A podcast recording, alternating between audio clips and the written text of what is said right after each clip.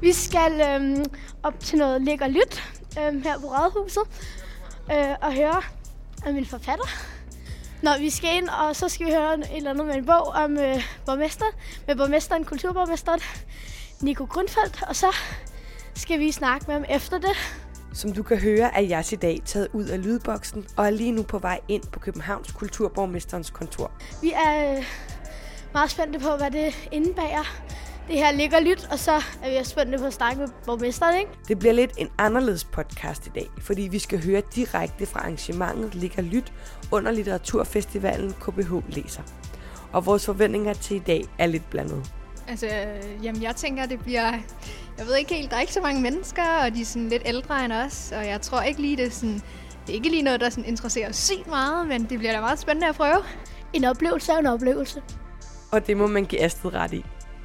I denne oplevelse, der skal vi møde forfatter Alan Metskovic, som har skrevet en roman, der bygger på virkeligheden. Derfor så skal vi høre om hans opvækst som flygtning fra Bosnien til Danmark, og hvordan hans bosniske farfars liv danner ramme om hans roman. Efterfølgende der tager vi en snak med kulturborgmesteren om arrangementet, om litteraturoplevelser, man måske ikke selv vil vælge, men som overrasker, og om de fortællinger, der ligger bag en bog. Velkommen til denne episode af JAS.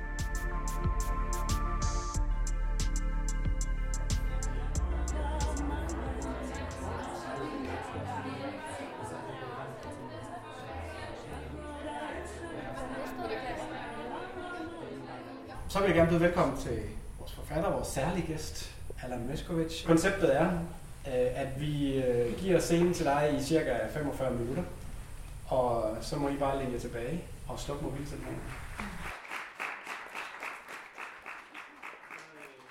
Mit navn er som sagt Allan Meskovic, og øhm, jeg er dansk bosnisk forfatter, som der står fleste steder. Jeg skrev mit første digt, da granaterne begyndte at falde i min, øh, i min hjemby, og det handlede om det samme. Det var sådan virkelig barnligt digt af en på 14.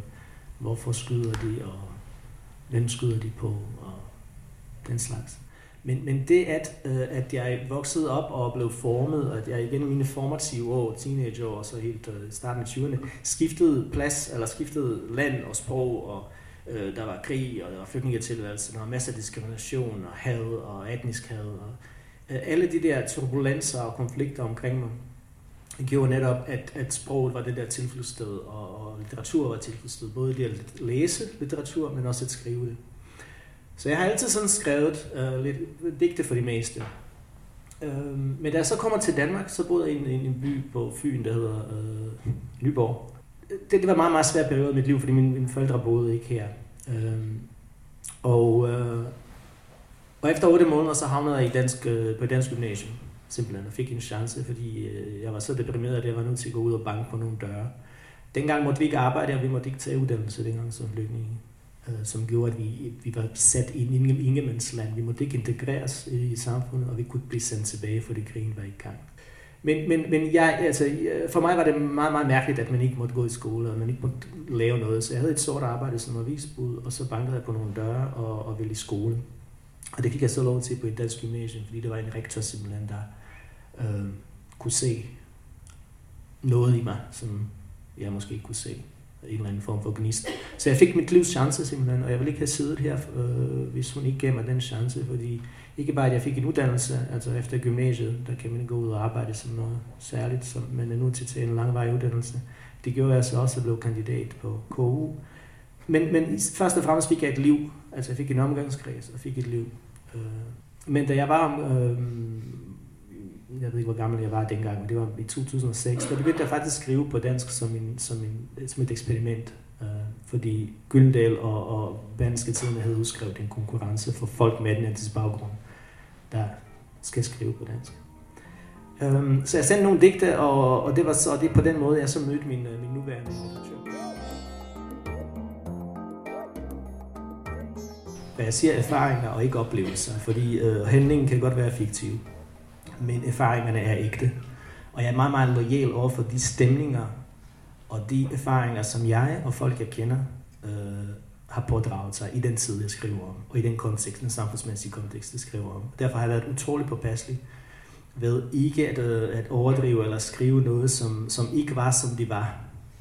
Fordi jeg har altid haft, og det er virkelig siden barnsben, idé om, at jeg skulle skrive om min farfar, som var en meget, meget speciel mand, øh, og havde et vildt liv, øh, og levede i det 20. århundrede, og på mange måder er hans liv knyttet til så meget af den der historie på Balkan. Jo mere jeg researchede og talte med min far, og lavede interviews med mine øh, onkler og andre familiemedlemmer, altså den der historie voksede og voksede og voksede. Og så er der lige pludselig ikke historien om min farfar, der, der levede fra 1905 til 1980, 81. Men simpelthen, altså så blev det bare en kæmpe slægtshistorie, hvor der er mulighed for tre ben. Altså, altså helt tilbage fra, fra 1870'erne og så helt, øh, helt frem til i dag. Og de, de historier omkring min farfar, det er virkelig, det var noget, der rykkede en lille øh, knægt på, på 10-11 år øh, dengang. Altså han var i en konflikt med alle stort set, og han var meget, meget sammensat mand. Han mistede sine forældre som 13 år i løbet af 14 dage. Øh, eller ja, i løbet af den 18 dage. Øh, hans far var i, øh, kom tilbage fra krigen, fra første verdenskrig, og døde af spanske syge øh, derhjemme. Og hans mor kastede sig i floden øh, 18 dage senere. Så han, han var den ældste af fire børn, og han skulle så øh, ligesom øh, rejse sig fra den tragedie. Øh, ikke nok med det, så var al deres ejendom, de var jo øh, de blev beslaglagt, og det skulle han jo så ligesom få tilbage på en eller anden måde. Det var det, var det der blev hans øh, livsprojekt. Men som det nu er, øh, sådan som det nu er på Balkan, øh, det er jo ikke ligesom i Danmark, hvor han, man har tid, overskud og en eller anden øh, stabilitet øh, i, i konteksten der gør, at man sagtens kan gøre det, man vil, hvis man vil det nok, og hvis man gør sig med. Øh, historien, verdenshistorien kommer til ham, øh, og, og udlægger det for ham, og han gang på gang er nu til at ligesom starte forfra. Øh, han var i konflikt med stort set alle, øh, både under 2. verdenskrig, og kæmpede på forskellige sider, og var i konflikt med kommunisterne, og de kom til magten, øh, fordi han ikke ville samarbejde, og, og blev fængslet som for nogle kommunist, kapitalistiske aktiviteter, øh, sad i fængsel, jeg ved ikke hvor mange dage, mistede sin kone som, som 44-årig, da han havde otte børn med hende, og var enke med otte børn uden et arbejde, efter han havde været i fængsel.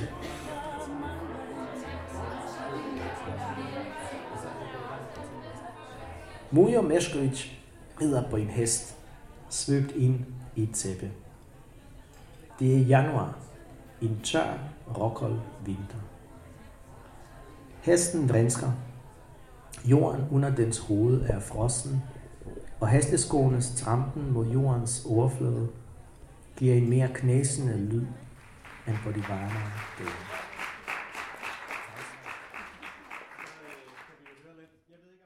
Lige nu så sidder vi i dit kontor, Nico, og, øh, og det er rigtig fint. Øh, inde på Rådhuset. Ja, der er noget dejlig musik i baggrunden, og vi har lige hørt øh, arrangementet med, øh, med Allen. Det var rigtig godt. Ja, vi, vi sidder jo blandt andet, fordi at jeg ønsker at åbne rådhuset op for københavnerne. Og så for, at vi kan få lov til at få noget øh, kultur masseret ind direkte fra rådhuset. Ikke? Og så var det mere oplagt at, at få en forfatter ind til at læse op af sin bog og sin digte? Jamen det skulle jeg, synes jeg er et meget godt øh, projekt, eller sådan et meget godt koncept, det er det, man får lov til at komme ind og se og sådan noget. Ret spændende. Bare, ja. Som ikke var forestillet sådan et lukkested, så bliver det lidt sådan åbent, og man, man kommer ind i, i midten, ikke, hvis man siger det sådan.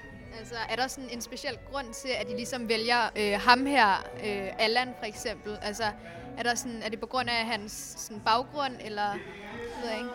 Mm, øh, nej, det er faktisk, altså man kan sige, det er, fra min side er det ikke øh, nogen øh, bestemt grund. Altså det er, det er et samarbejde med øh, biblioteket ude på Randermestervej ude i Nordvest, som har det her koncept, og som har et ønske om at få sådan øh, forfatter ind, som endnu ikke har udgivet den her, kan man sige, bog eller den her samling, som han har læst op af.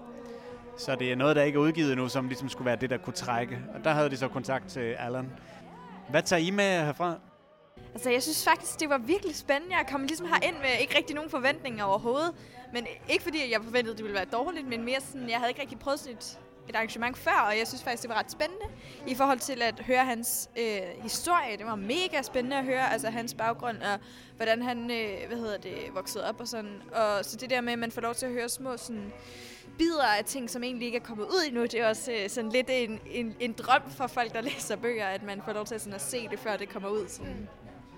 Nu, nu tænker jeg også sådan, at det Allan skriver, det er noget, lidt noget andet, end det vi plejer at læse. Vi plejer at læse Young Adult, sådan, lidt sådan om unge og lidt fiktivt, så det var meget sådan rart sådan, høre noget andet, ikke? Sådan, det var lidt sådan anderledes, og det kunne jeg godt lide. Jeg kunne også godt lide det der med, at han, sådan, han startede med at snakke om sådan, det der med bag om hans bøger, og sådan, det der med hans baggrund, og sådan, og det gav mig egentlig sådan en lidt, altså det fik mig egentlig til at føle, at jeg rigtig gerne ville læse den der bog. Det var ret sjovt.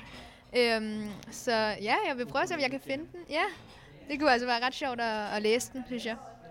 Jamen det er præcis det, når man ikke rigtig bliver introduceret til en bog, men bare har sådan lidt, Nå, nu skal jeg lige læse på bagsiden, sådan, hvad den handler om. Man selv skal tage initiativ til, hvad handler den her bog om. Så det er jo meget mere spændende at få en eller anden sådan live øh, forklaring af, hvad det er, som der går bagom og sådan. Så ja. Og hvad med pandekærne? Kunne I lide dem? Rigtig gode. Vi har fået dem et par gange nu. Så Sådan. virkelig, man nyder det hver gang. Det hører til en god bog, ikke? En god rådhuspandekærne. En god snack. Altså i forhold til, at øh, hvad hedder det, det her arrangement måske ikke var rettet direkte mod os sådan teenager som øh, målgruppe, så synes jeg faktisk, det var ret interessant alligevel. Jeg var også bare sådan, må, må det bliver lidt tørt, eller bliver det sådan lidt voksenagtigt, men jeg føler sagtens, at vi kunne ligesom øh, lytte med og stadigvæk synes, at det var sjovt, og at få noget ud af det alligevel. Jeg synes også, det er meget sådan let forståeligt. Det var ikke sådan kompliceret, og man skulle sådan vide en masse. Sådan, det blev meget sådan fortalt, hvad det handlede om. Jeg kunne også meget godt lide det der med, at han sådan sagde, at bogen den var sådan baseret på hans personlige erfaringer, og ikke hans personlige oplevelser. Så det var sådan, hans beskrivelser var sådan hans, men oplevelserne behøvede ikke nødvendigvis at være sådan hans. Så det var også lidt fiktivt i det, og det kan jeg sådan meget godt lide, ikke? Men er det ikke også ligesom, når man går til Roskilde Festival eller Distortion, at nogle gange så bliver man introduceret for noget, som man ikke har nogen forventninger til, og nogle gange kan det være noget af det mest inspirerende, fordi det lige pludselig sker noget nyt, som man ikke lige havde regnet med, fordi hvis man bare skulle vælge selv, så vil man nogle gange gå til det mere sikre. Ja, præcis. Så er det også det der med, at når man ikke kører... Altså, når vi, vi læser jo meget mainstream, altså sådan meget... Sådan virkelig det, som man ser på sådan i vinduerne på butikkerne, er det Twilight, det, ja, alt det der, som sådan alle læser ikke? Så det er meget sjovt også nogle gange ligesom at blive introduceret for noget nyt, og så for eksempel det arrangement, så ville det jo også meget... Jeg, jeg føler godt, at jeg kunne tage til endnu et af sådan et her, hvis det var sådan... For eksempel på sådan de der biblioteker, komme og prøve lidt ny, nogle nye ting, efter man er blevet sådan introduceret til det her koncept -agtigt. Altså, nu siger jeg det så igen, men det der med, at man... Altså, jeg ville ikke have læst bogen, hvis han bare var kommet og sagt, Nå, det her det er min bog, læs den -agtig. Men det der med, at han ligesom forklarer bag om bogen, det synes jeg bare var sådan så fedt, så man får sådan, uh, nu ved jeg lidt om, hvad, hvad det egentlig handler om. Så. Men hvis det nu skulle være en bog, øh, som, som skulle være målrettet, kan man sige, jeres målgruppe eller deromkring, hvad skulle det så være for noget, tænker jeg? Ja, altså det er, jo et, øh, det er jo et mangfoldigt spørgsmål, kan man jo sige, i forhold til, at man, man vi ved jo ikke, hvad vi vil have, Når som en øh, målgruppe, så det er jo, vi er jo ret svære at ramme i forhold til, at, øh, at nu har vi jo lyttet lidt til den her bog, og rent faktisk så er det jo, øh, eller han, ja, vi har lyttet til Allan, og han siger jo, at hans bog, øh, Ukulele Jam, den vil jo, det er jo om en 16-årig dreng, så derfor skulle vi jo også sådan på en eller anden måde også kunne, kunne relatere til, øh, til den bog, så Altså, så, men den har et meget, i går sådan voksent tema, eller sådan, det der med krig og, og opvækst som øh, an, med anden etnisk, etnisk baggrund øh, og sådan noget der. Så jeg ved, jeg ved ikke helt, hvis, hvis han skulle skrive den målrettet os, om den skulle være mere sådan der, jeg ved ikke, vi hørte jo også noget, han læste op, og der var ikke så meget sådan leg med ord, eller der var ikke så mange sådan, der var ikke noget slang eller sådan noget. Det var selvfølgelig også godt nok i 1800-tallet, men...